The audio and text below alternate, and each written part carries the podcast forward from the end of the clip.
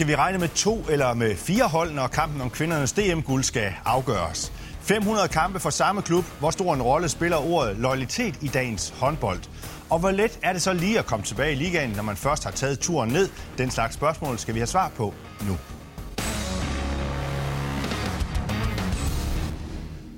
Og hermed velkommen til håndboldmagasinet Overtrådt, som sædvanligt med et aldeles fremragende panel. Denne gang i skikkelse af en af veteranerne i dansk kvindehåndbold, Angrid Nørgaard fra Silkeborg KFM.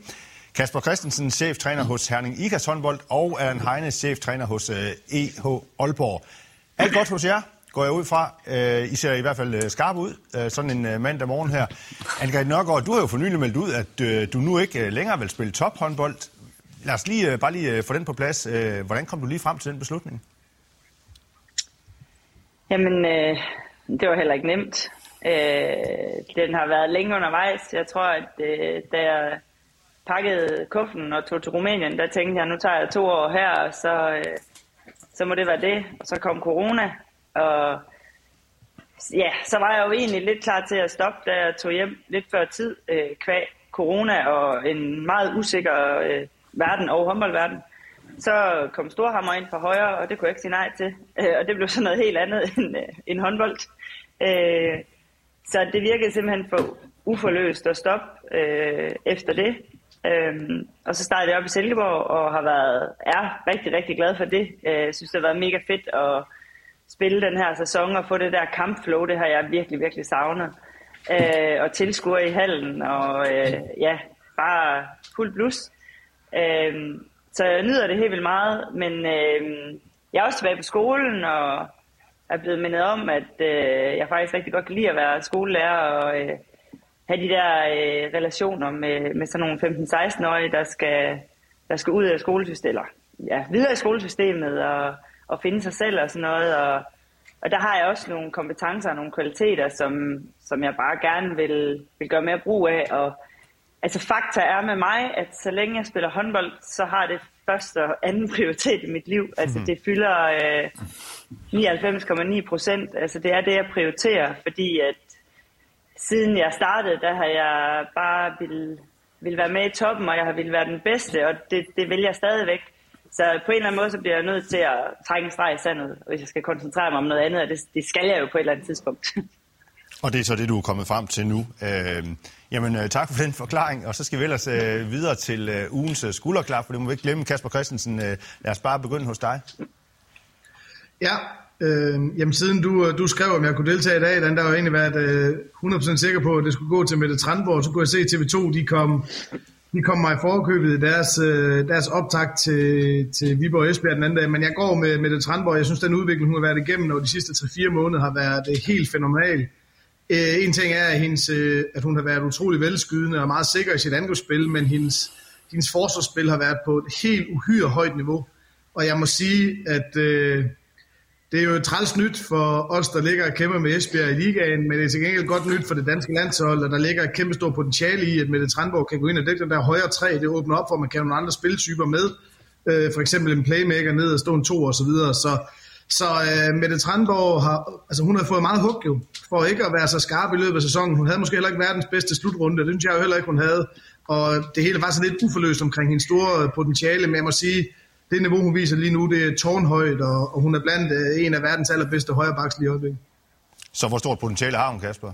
Kan hun nå længere Jamen, hun har jo potentiale til at være, være en... Hun er jo en topspiller, men måske en af de aller, allerbedste, fordi hun repræsenterer den her fantastiske fysik, og er en super dygtig forsvarsspiller, og jeg synes, det potentiale, hun udviser på træerne lige nu, det er med til sådan at, at, at pakke endnu mere ud af det, Mette Trandborg, hun jo så åbenlyst indeholder. Okay. Allan Heiner, ikke? Vi skal også have et skulderklap fra jer. Allan, dig først.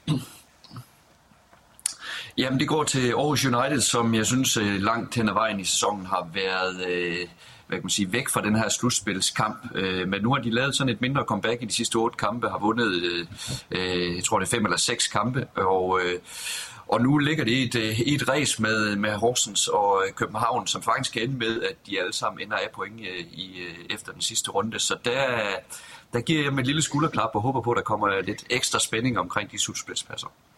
Så øh, hvis vi sådan lige skulle øh, lade dig lege matematikprofessor for Aalborg Universitet, øh, så kan det vel blive noget værre rod, hvis man skal til at lave et regnestykke.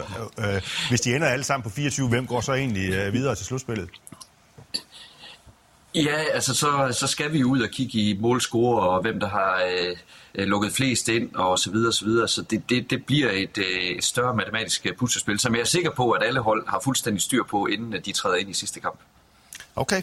Stort af en mand, øh, en tidligere Viborg-træner, og øh, give øh, Aarhus United et skulderklap. En mand, som, øh, som har bøvl med det der Aarhus United-mandskab, øh, nogle gange i hvert fald. AG, vi skal også have et skulderklap for dig.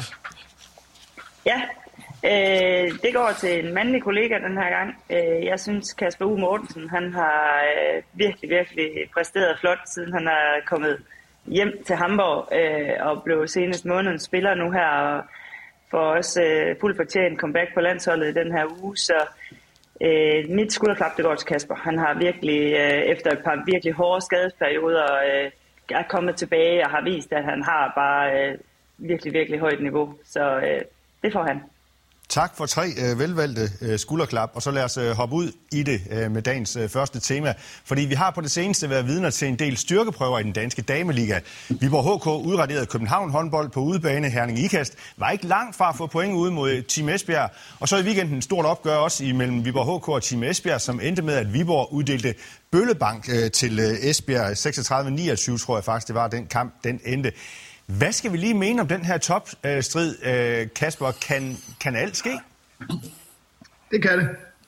Øh, jamen, vi skal jo mene det, at vi har en utrolig øh, øh, stor, synes jeg, i forhold til kvalitet, top i, øh, i kvindeligaen lige nu. Der er også et par andre hold af dem, der ligger og, og, og klemmer sig ind i top 8, som vil kunne gå ind og drille i et slutspil og måske snige sig med i en semifinal. Hvis man kigger på, på den top 4, der er lige nu, hvis det er det, der skal være udgangspunktet, så er der ingen tvivl om, at Esbjerg og Odense, de, øh, de pumper på nogle cylinder, som vi andre ikke helt er med på endnu, og ud over det lange grundspil, der er de bedre end, end både Herning Ikast og Viborg. Men øh, vi har set mange gange før, at, øh, at det bliver meget på dagen, når det skal afgøres, og jeg er helt sikker på, at vi i HH og, og i øvrigt også i Viborg, de kommer til at bide skære med Esbjerg og Odense og kan drille dem, og, og jeg synes faktisk også, det er en lille smule historieløst, hvis man tænker anden, fordi man kan sige, at øh, Viborg de spillede så salt i en DM-finale sidste år, vi slog Esbjerg i øh, bronzekampene, for to år siden i den her øh, coronasæson, jamen der var det Herning Ikast, der vandt øh, pokalmesterskabet. Så på den måde, så, så viser historien jo også, at det ikke bare er Esbjerg Odense. Men de er gode, det er to europæiske tophold. Øh, der skal utrolig meget til for at vippe de to hold øh, ud af, hvad skal man sige, finalepladserne. AG, har han ret? Øh, er det ikke kun øh, øh, Odense og Team Esbjerg, det drejer sig om? Nej, det vil jeg ikke håbe. Øh, jeg synes, han har ret i alt det, han siger. Klog mand, Kasper. Øh, der er nemlig gode hold, og Viborg han Ikast har jo også vist, også internationalt, at, øh, at de gør det super godt. Nu kommer der nogle kvartfinaler her øh, om at komme i Final Four. Øh, Esbjerg Odense skal også ud og spille igen. Det, det, det, det kan være det, der er vores andres chance. Det er, at øh, de er også meget mere belastet, end vi er. Øh, og hvordan kommer de ind i et slutspil? Får de en skade? Altså, man, jeg vil sige, den kamp, der var øh, i lørdags, hvor Viborg de jo moser Esbjerg lidt, der, der øh, håber jeg, at Viborg de sendte en kærlig tanke til Herning Ikast, fordi at, øh, det var noget af det forarbejde, de havde lavet, der gjorde, at Viborg fik muligheden, tror jeg. Altså fordi det var virkelig en hård kamp for Esbjerg i, øh, i onsdags mod, øh, mod Herning Ikast. Så det er jo også det der med, øh, altså, hvordan bliver kampprogrammet? Øh, hvem kommer til at møde hvem? Hvor hårdt belastet bliver man? Kommer der en skade på en vital spiller? Fordi vi må også være ærlige at sige, at de er brede og øh, kører på nogle andre cylinder, men der er også bare nogle spillere, de har brug for. Og kommer der sådan en skade i et slutspil, jamen så er der bare andre, der er klar til at hakke til. Så øh, ja, Esbjerg og Odense er favoritter, og de har øh, et par fantastiske trupper. Øh, men, men det er bare, altså det der slutspil, der, der kan alting ske. Allan Heide, nu var det anden gang, at uh, Viborg HK de slog uh, Team Esbjerg i den her sæson her. Det var godt nok uh, Team Esbjergs uh, første nederlag i uh, 175 uh, dage, tror jeg det var. Men er der alligevel sådan, uh, ja det ved jeg ikke, er der alligevel en lille sprække, eller er der noget, der tyder på, at Esbjerg er ved at dykke lidt uh, formmæssigt, eller hvad? Ja, og så kan man jo sige, at det er så et, et fint tidspunkt for dem at gøre det på, øh, fordi det er, jo, det er jo bedre nu, end at gøre det i et, øh, i et slutspil. Og man kan også se, at Viborg har jo også i en periode haft lidt svært øh, og er kommet ovenpå igen nu her. Så sådan bølger det jo lidt frem og tilbage. Men noget af det, jeg glæder mig mest til i forhold til slutspil, det er at se øh, de her dueller, der ligger omkring målvogterne. Og der synes jeg, som det ser ud lige nu, at både øh, Herning Ikast og Viborg og, og Odense ser ud til at have det stærkeste øh, produkt, øh, når man sådan tager øh, det samlede produkt på målvogterne. Og det er tit det, man ser som en afgørende, øh, et afgørende element i et slutspil, det er de her målvogter, hvor højt præsterer de. Og der må jeg bare sige, at øh, nogle af det, som Henning Ikast har præsteret i løbet af sæsonen, i nogle, nogle, nogle toppræstationer, øh, det, det har vi også set for Viborg, når de virkelig slår til. Selvfølgelig har vi også set det for Esbjerg og, øh, og Odense, men jeg synes bare, at der er sådan lidt en tendens til, at, øh, at når Esbjerg ikke helt rammer deres defensive styrke, jamen så, øh, så bliver de udfordret, og det kunne jeg godt frygte for dem i, øh, i det, det afgørende del af, af sæsonen her. Så siger du så lidt, at Esbjergs øh, målmandsposition, øh, øh, øh det er lidt af deres øh, akilleshæl, eller hvad? Jamen, jeg synes, at deres topniveau er, er, er højt nok til at vinde øh, mesterskab og vinde noget stort europæisk også. Men jeg synes også, at deres bundniveau er, er for lavt i forhold til øh, det samlede produkt. Øh, med det, jeg har set øh, i den sæson her, der, der synes jeg, at Viborg, Odense og Herning Ikast har et, øh, et højere bundniveau, som kan gøre en forskel, når, når det spidser til. Age, hvis det skal være din gamle klub, som skal gøre noget stort i år, altså Viborg HK, så skal det vel også næsten være i år, inden de mister Line Havsted og, øh, og Christina Jørgensen, eller hvad tænker du? Øh, ja, altså det, det er da i hvert fald oplagt at tænke sådan, fordi det er jo svært at se, at de går ind og, og kan erstatte Havsted og Jørgensen en til en næste år. Øh, jeg tror, der kommer til at være lidt opbygning igen øh, på en eller anden måde. Det vil der være, når to så markante skikkelser øh, altså det er jo både defensivt og offensivt, de har fyldt enormt meget, øh, når de skal skifte. Øh, så ja, de, de skal slå til i år. Øh, jeg er spændt på at se, altså nu spiller de jo en vanvittig uge her øh, mod først København, og så Esbjerg øh, har fundet tilbage til noget øh, af det, jeg synes, de havde i efteråret også. Øh, så de har ligesom haft det her dyk, dyk øh, men kan de sådan holde den? Det, det, er også, øh, det er også spændt på at se. Kasper Christensen, hvad skal lykkes for Herning Ikast, hvis I skal gå hele vejen til finalen i år? Jamen, altså, der er ingen tvivl om, at vi skal blive ved med at spille så stabilt, som, øh, som vi har gjort. Vi har nærmest ikke haft nogle, øh, vi har nærmest ikke haft to øh, dårlige kampe i træk i lang, lang, lang tid, og, og de hold, der har slået os i hvad, de sidste øh, rigtig mange kampe, det er Esbjerg uden til på udebane. Så vi skal ind og spille stabilt, og så skal vi selvfølgelig krydre det med et par toppræstationer. Der kunne vi starte med det inde på mål, hvor vi har to dygtige målmænd, som kan, som kan gøre forskellen. Og så tror jeg egentlig ikke, der er så meget andet, vi behøver. Altså hvis vi rammer Esbjerg uden til at spille rigtig, rigtig godt, så har vi en god chance, selvom de spiller godt. Og rammer de den ikke lige helt, som de skal, så viser historien også, at så, øh, så, så taber de også til, til Herning Ikast, hvis, øh, eller har i hvert fald muligheden for at gøre det, hvis det er sådan, det går helt ned til det sidste. Så, så vi går egentlig ind til et slutspil, og, og de kampe, der måske kommer efter det med, øh, med tro på, at vi kan gøre noget, og så er vi godt med på, at vi skal spille rigtig godt. Allan Heine, bare lige for at runde den her uh, snak af om toppen i kvindernes uh, håndboldliga. Uh, er det den mest tætte top i mange år, som du ser det? Ja, det er i hvert fald, øh, vi går i hvert fald ind i et slutspil, hvor jeg synes, det er enormt svært at, øh, sådan lige at pege ud, hvem er det, der står med det til sidst. Det er klart, der er nogle favoritter, som vi har været inde på, men jeg synes også, både Viborg og Herning Ikast øh, er sådan nogle dark horses, der virkelig kan, kan gå sådan et, et fantastisk slutspil i møde. Og så ligger der nogen, som øh, en Nykøbing Falster, der for eksempel der kan gå hen og overraske lige pludselig. Øh, men at gå hele vejen, det tror jeg dog ikke på. Men, men den, den top 4 her, det glæder jeg mig helt vildt til at følge. Godt. Lad os øh, hoppe videre til næste emne.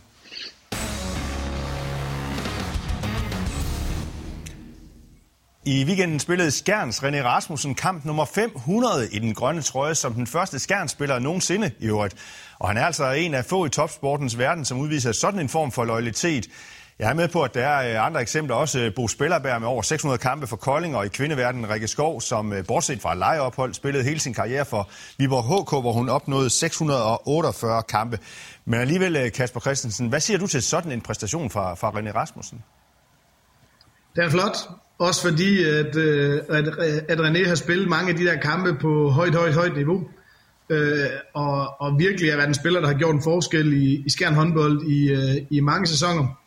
Så er han jo lokal, og det, det kan vi jo godt lide rundt omkring håndboldklubber, når der er nogen af, nu er han jo ude for Række Mølle af, men det er også lokalt, som det kan være i skærmen, men altså en af deres, øh, en af deres egne, der var noget af det, der kendetegner René, det er det her, den her voldsomme stabi, stabilitet, han har spillet med i mange, mange år, og så at han øh, med hans øh, utrolig øh, stærke fysik har været god til at undgå skader, lige minus den her akillesindskade, der holdt ham ude i, i mange måneder. En gang, så, øh, så kan jeg nærmest ikke huske et skærnhold uden René Rasmussen på banen, så, så utrolig flot, og, og tillykke til René med det. Angrid Nørgaard, kunne du forestille dig, at øh, du selv kun havde spillet for den samme klub igennem hele karrieren? Øhm, nej, det synes jeg faktisk er lidt svært. Altså, måske hvis jeg aldrig var taget til Randers øh, i, for 100 år siden. Øh, men jeg synes, det har været... Jeg er rigtig glad for de valg, jeg har truffet, og jeg synes, det der med at, at opleve øh, andre klubber, andre øh, ja, klubkultur, og sådan, man, man får åbnet sin horisont. Jeg har stor respekt for, for de der klubikoner, som vi heldigvis har, og det betyder selvfølgelig rigtig meget. Øhm, men jeg synes, det har været fedt at, at være forskellige steder og lære nye mennesker og nye traditioner, nye, altså nye klubber at kende. Øhm, så ja, jeg synes, det er sådan lidt sjovt, fordi jeg synes også, det er noget af det, der er med til at udvikle en, både som spiller og som menneske. At man bliver øh, sat ind i en ny kontekst og, øh, og ligesom skal, skal præstere på ny og skal vise sig frem og finde en plads på holdet. Øhm, men, men det gør jo noget selvfølgelig det her med at have de her klubikoner. Altså øh, selvfølgelig for klubberne og for fansene og tilskuerne og sådan noget. Øh, der er det mega fedt, og jeg synes, det er super, super sejt. Øh, dem vi har, øh, René Rasmussen er en, Nikolaj Øres er en. Øh, vi kan også nævne England i Herning Ikast, ikke, der har været der i en menneskealder. Øh, så, så selvfølgelig har det stor betydning for klubberne, at vi har dem stadigvæk heldigvis. Men øh, bare lige, uh, Agi, hvorfor er der ikke flere af, af sådan nogle typer som, som René Rasmussen alligevel så? Jamen, jeg tror, det er fordi, det er jo er professionel sport. Altså, øh, ambitioner og drømme skal jo passe sammen, altså klub og spillere imellem. Øhm, og jeg tror da også, at René han indimellem har, har stået med nogle andre tilbud på hånden, som har været fristende.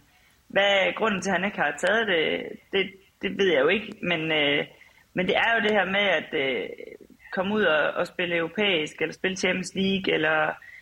Altså, det kan være mange ting, der ligesom gør, at, at man rykker teltpælene op og prøver noget nyt. Øhm, jeg tror bare, det, det er rigtig svært at fastholde folk i, i en overrække. Altså, jeg tror, at Viborg HK havde håbet, de kunne beholde sådan en, ja, både Christina Jørgensen eller Line Havsted, ikke, og kunne gøre dem til, til kulturbærer også sådan Øh, men det er bare svært, øh, også fordi konkurrencen er så stor, og, og der er så mange mål og ambitioner øh, på begge sider. Allan Heine, hvad betyder den her slags loyalitet for en klub og også øh, for, for en træner? I taler jo så tit om, øh, om kulturbærer og vigtigheden af, af, af kulturbærer. Hvad betyder det? Jo, men det er klart, at som træner, der, der har man jo sådan en forlænget arm ind i det, og jeg kunne også forestille mig, at nu kommer en ny træner til, øh, til Skjern, det her med, at der er nogle ting, som er som ligger implicit i hverdagen, og som er selv sagt en, en ting, eller en måde, man gør tingene på i skjern, og, og der, der, det er bare enormt vigtigt, at man har sådan nogen, der, der ligesom, øh, der, der ved, hvordan tingene fungerer, og der ved, hvad, hvad man gør i hvilke situationer og sådan noget her. Men det er ganske enkelt imponerende, at i, et, øh, man siger, i en verden, som er blevet mindre og mindre i forhold til at kan komme rundt, øh, at René han er blevet i, i så lang tid. Og i forhold til ambitioner, som øh, AG er lidt inde på, så tror jeg, at han har fulgt det her skærn, der sådan stille og roligt har været, er, er kommet med, og, og har været med også i Champions League og øh, europæisk osv., osv. Hvor, øh, hvor jeg tror, han har fået stille de her ambitioner, han nu har. Øh, og jeg er også sikker på, at han har haft nogle gode muligheder og nogle gode tilbud.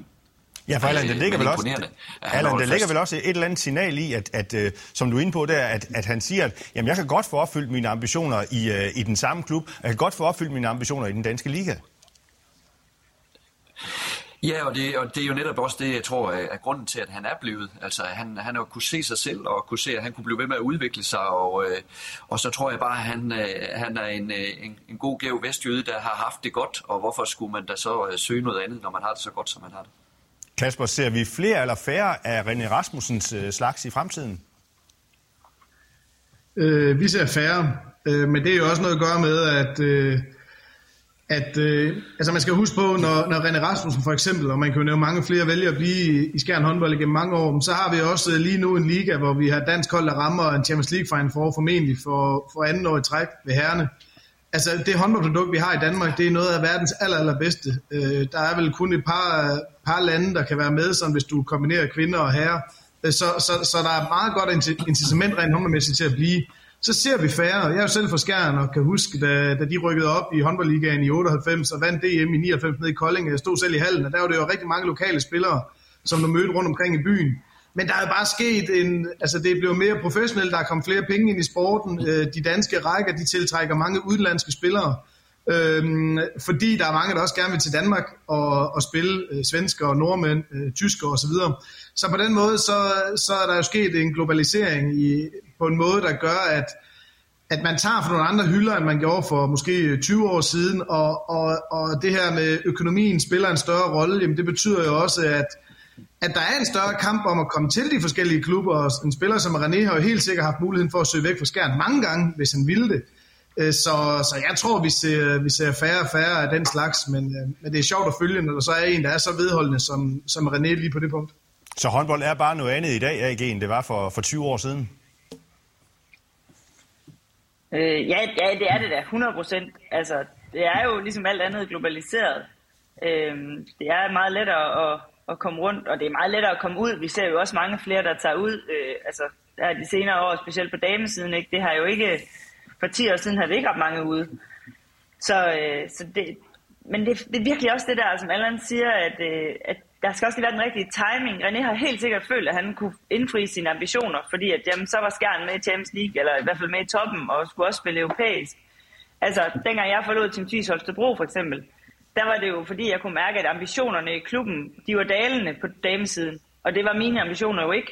Jeg ville gerne have blevet i Holstebro. Jeg, det var jo øh, altså, nogle fantastiske år, jeg havde der.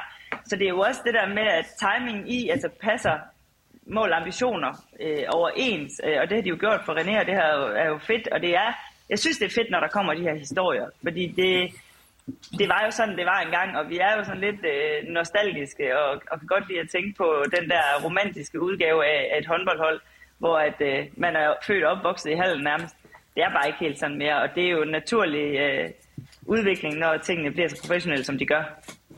Godt. Lad os sætte øh, punktum for snakken om René Rasmussen her, og øh, de øvrige, der er så lojale over for deres øh, klubber.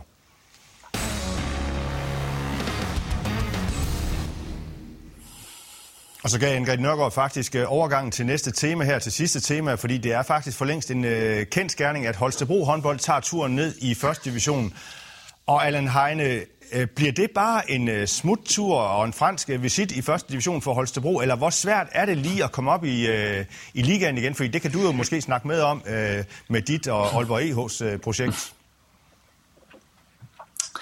Ja, altså først så hedder vi EH Aalborg, men EH Aalborg, anyways, så, det kunne jeg også godt selv høre. Så, ja, men, ja, men, men nej, det er ikke sådan lige til, og, øh, og nu kommer det også an på, nu kan jeg se, at de sådan løbende har meldt forskellige afgange ud for Holstebro. Men det handler jo om for Holstebro at få skabt en, en god base nu. Øh, jeg tror, at øh, i den kommende sæson i første division, der bliver der en, en sådan en gruppe på en, en 5, 6, 7 hold, som øh, er, er fine første divisionshold, men ikke er i nærheden af at have ligaklasse. Og derfor så, hvis, hvis Holstebro kan samle et hold, der er sådan på, på nogenlunde niveau, øh, jamen så har de en chance for at kan, kan komme øh, direkte op igen. Men, men lander de sådan lidt mellem stolene og med, med rigtig mange øh, 17-18-19-årige piger, jamen så kan en lang sæson øh, i første division, så kan det godt blive vanskeligt. Og der er jo ikke noget i vejen med at være en 17-18-19 år, der kan man godt være talentfuld og dygtig, men, men det kan godt være vanskeligt i en hel sæson øh, at, at skaffe sådan et, et topniveau. Kasper Christensen, hvor stærk er den der første division lige? Fordi når man sidder sådan som uh, ligatræner, kigger du så overhovedet uh, derned og, og, og, og kigger efter, om der i givet fald skulle, skulle være nogen, som kunne bruges på, uh, på dit mandskab? Nej, ikke i Herning Ikast i hvert fald. Øhm, jeg ser nu ret meget første division, for jeg har fulgt uh, Sønderjyskes kampe, og min kæreste Selina spiller på holdet, og, og jeg må sige, jeg er enig med Allan i det her. Hvis du bare kommer ned med et ungt hold, som Holstebro gør, så kan man selvfølgelig komme med problemer. Men jeg må godt nok også sige, at øh, første division damer, øh, sådan i, fra midten og ned, øh, i den grad bærer præg af, at der er 14 hold i, øh, i øh, kvindeligaen, øh, eller bambusaligaen. Jeg synes, øh, jeg synes, øh, jeg synes niveauet i bunden af første division, det, det er ikke elitært. Det får sit lige ud. Så nej, vi kigger ikke den vej ned, men det er jo ikke ens betydende med, at Holstebro får let ved bare at komme ned og etablere sig. Det tror jeg faktisk ikke, de gør, og, og når Allan siger, at der er sådan 6-7 hold, der kommer til at ligne lidt hinanden, så, så tror jeg egentlig på det, og både TMS Ringsted har været gode i år, og Bjørn Bro er vel, øh, har vel været sådan et, et stabilt tophold i første division i en del år, og så er der det projekt i Aalborg, som, som Allan jo så forlader, som, som jeg også skal kunne blande sig i toppen, så jeg tror ikke, det bliver let for Holstebro. AG, du var jo med til at skrive et eventyr i sin tid, da du spillede håndbold i øh, Holstebro. Skal man, øh, AG, skal man være bekymret for damehåndbolden i din gamle øh, håndboldby? Øh, det håber jeg ikke. Jeg tror det heller ikke. Altså, jeg tror, der er så øh, gode og stabile kræfter, der vil damehåndbolden så meget, at, øh, at de, de skal nok få lavet en god struktur omkring det. Og det er jo bare vigtigt det her med, som Allan siger, ikke at sætte sig mellem to stole nu. Øh, jeg tror også på, med, når man tænker på den første division, vi har i Danmark i dag, at, øh, at Holstebro kan være tilbage igen om et år. Øh, men, det, men det kræver ligesom, at man også laver en langsigtet plan og finder nogle spillere, der kan commit sig til, altså at det ikke bare lige skal være et udviklingsår, de skal have, og så skal de videre til en ligaklub øh, og tjene flere penge, eller hvordan det nu er. Altså det, det skal være, der skal være noget commitment, og man skal, de har et fantastisk træningsmiljø i Holstebro. Det, det har der været øh, altid, også længe før jeg kom. Og det er det, man ligesom skal, skal opretholde, og man skal have fat i nogle af de her unge talenter, og 17 år måske lige ungt nok, hvis det skal bære noget i første division også. Men man skal i hvert fald have sådan en, en stamme, man kan sige, jamen okay, nu er det jer, vi går med, og så går I også med os, altså øh, spiller os tilbage i ligaen og, og er klar på at tage nogle sæsoner. Øh, fordi det, det bliver ikke bare lige at komme tilbage i ligaen, altså det bliver et langt sejt træk, tror jeg. Men Allan Heine, øh, så skal de have fat i nogle talenter, siger AG. Men der er jo mange, der rigtig gerne vil gå den vej der, så hvor let er det lige, øh, bare lige at lave sådan et øh, talentprojekt, og så se, om man så også kan, kan komme op i ligaen igen? Ja, men problemet er jo lidt, at der er mange, der gerne vil have de talenter, og i, øh, i, den, i den tunge del af øh, ligaen, der, der er det jo også de talenter, de øh, leder efter. Så det er jo tit det her med at finde øh, det, som jeg ikke er inde på. Nogen, der vil gerne vil commit sig til, at øh, Holstebro skal blive øh, et ligahold igen. Så det bliver, det bliver interessant at følge, for at se, hvordan og hvorledes de, øh, de kommer tilbage på, øh, på sporet. For det har øh, alt andet lige været en, en rigtig vanskelig sæson for og så bliver de jo så afløst i uh, ligaen Holstebro. De bliver så afløst af, af Sønderjyske, Kasper. Det var du selv lige inde på. Uh, din kæreste og Sønderjyske, hvor svær en omgang får de lige i uh, ligaen? Altså, hvilke perspektiver er der for Sønderjyske med hensyn til, til en ligatilværelse i næste sæson? Jamen, det er vel sådan, når man lige rykker op, så skal man jo bide sig fast for alt i verden, så det er vel perspektiv på det kort sigt. Men for dansk kvindehåndbold, og, og der er det utroligt godt, at Sønderjyske kommer op. Altså, det er et hold, som og det tør jeg godt sige, som jo i mange år reelt set har underpresteret i forhold til deres økonomi. Øh, men de har holdt sådan god ro øh, på tingene dernede, både da Olli øh, Ketsman var træner nede, og nu omkring Peter. Og man gik jo egentlig bare og ventede på, øh, med den økonomi, der er omkring øh, damehåndbolden i Sønderøske også, at de fik den her oprykning, og det blev så nu. Prøv at de kommer op med en, øh, med en flot og ny arena. Øh, de har jo hele Sønderland for sig selv, hvis man kun kigger på kvindehåndbold. Altså, du skal jo op til Horsens øh, og så ud mod Esbjerg for, for at finde andre konkurrenter, ellers så har de det der område for sig selv, kvindehåndboldmæssigt. De kommer op med en økonomi, hvor de går direkte ind på samlet budget og på spillerbudget, og går forbi hvad, øh, 4-5 hold i bunden af rækken, og når der er 14 hold i kvinderækken, så skal Sønderjyske med det setup, der er dernede, være en del af kvindeligaen, og det håber jeg også, at de, de bliver i fremtiden. Så, så jeg ser utrolig gode øh, perspektiver. Det er et hold, som kommer op og har potentiale til om nogle år, og kan minde om, nu siger jeg der, hvor Horsens og Silkeborg bevæger sig nu. Altså et hold, som over tid og mange år frem øh, kan blive en fast og stabil spiller i, i kvindeligaen, endda i den gode ende, hvis man sådan virkelig drømmer stor. Man skal huske, Sønderjyske som organisation, de er vant til at bedrive elitesport. Det er en fuldstændig fasttømret øh, øh, organisation, der er vant til at håndtere det der. Der bliver ikke nogen øh, skuld i organisationen over, man nu har rykket op. De er fuldstændig klar til det der, så, så jeg hilser det meget velkommen, og, men så håber jeg så til gengæld også lige, at vi vinder de to kampe mod Sønderjyske næste år. Men dermed så fik du også øh, skabt en vis form for husfred øh, på hjemmefronten i dag med, med den der tale der. Tak. Øh, vi når ikke mere. Tak til Angrid Nørgaard, tak til Kasper Christensen og tak til Allan Heine. Og tak til dig, som kigger med. Husk, Overtrådt også kan findes som podcast, mens vi også er til stede på både Twitter og Facebook. Tak for nu. Vi gør det igen i næste uge. Vi ses og høres ved.